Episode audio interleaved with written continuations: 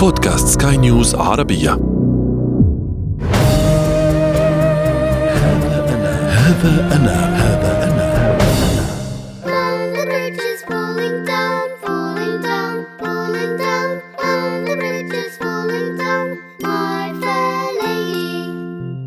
هنا لندن الصيف يحل باستحياء بمدينة الضباب الشهر السابع من عام 1920 في يومه الخامس والعشرين. آرثر فرانكلين المصرفي الذي ينحدر من أسرة يهودية بريطانية يرزق بروزاليند.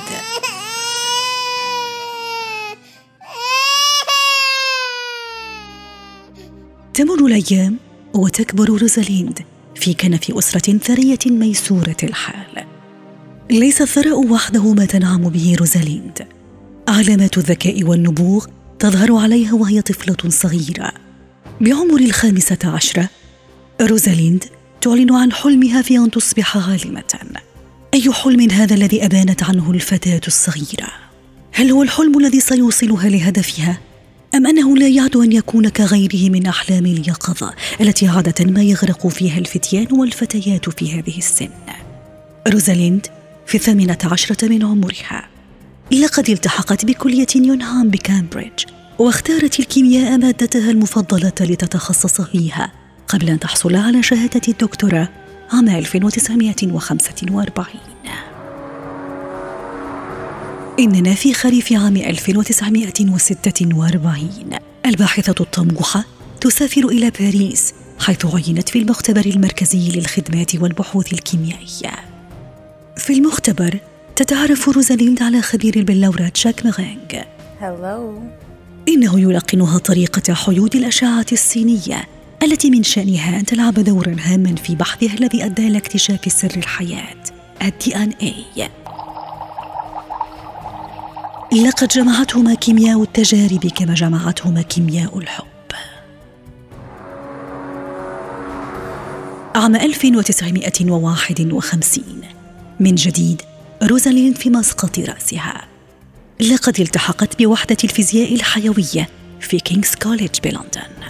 روزاليند فرانكلين تلتقط صور الحمض النووي بنوعيه الجاف والرطب والمعروف بالصورة رقم 51 لقد استخدمت آلتها بالتركيز على الأشعة السينية لمدة مائة ساعة. يا لها من خطوة علمية جبارة تلك التي ستصبح لاحقا دليلا قويا للتعرف على شكل الحمض النووي وتركيبه. إننا في عام 1953 موريس ويلكنز زميل روزاليند فرانكلين الذي يكن لها العداء يسرب الصورة رقم 51 دون إذن منها لجيمس واتسون عالم الأحياء الجزيئية الذي كان يعمل هو الآخر على النموذج الخاص للحمض النووي بمساعدة صديقه فرانسيس كريك في جامعة كامبريدج. كمن عثر على كنز مدفون العالمان يستخدمان ما شاهداه في الصورة 51 كأساس لصناعة نموذج الحمض النووي.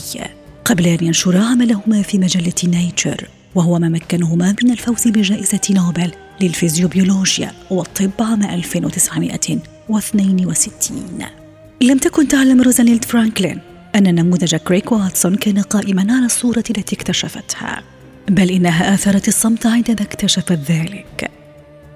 روزاليند فرانكلين تترك كينغز كوليدج والوجهات هذه المرة كلية أخرى. إنها تنشر على مدى خمس سنوات أكثر من سبع عشرة ورقة بحثية عن الفيروسات. وهي الأبحاث التي كانت سببا في قيام علم الفيروسات. روزاليند فرانكلين في السابعة والثلاثين من عمرها. لقد هاجمها سرطان المبيض. بعزيمة صلبة تحاربه لكنه كان أقوى وأشرس. لقد غادرتنا روزاليند فرانكلين المرأة المجهولة التي كانت وراء اكتشاف الحمض النووي. هذا أنا هذا أنا هذا أنا.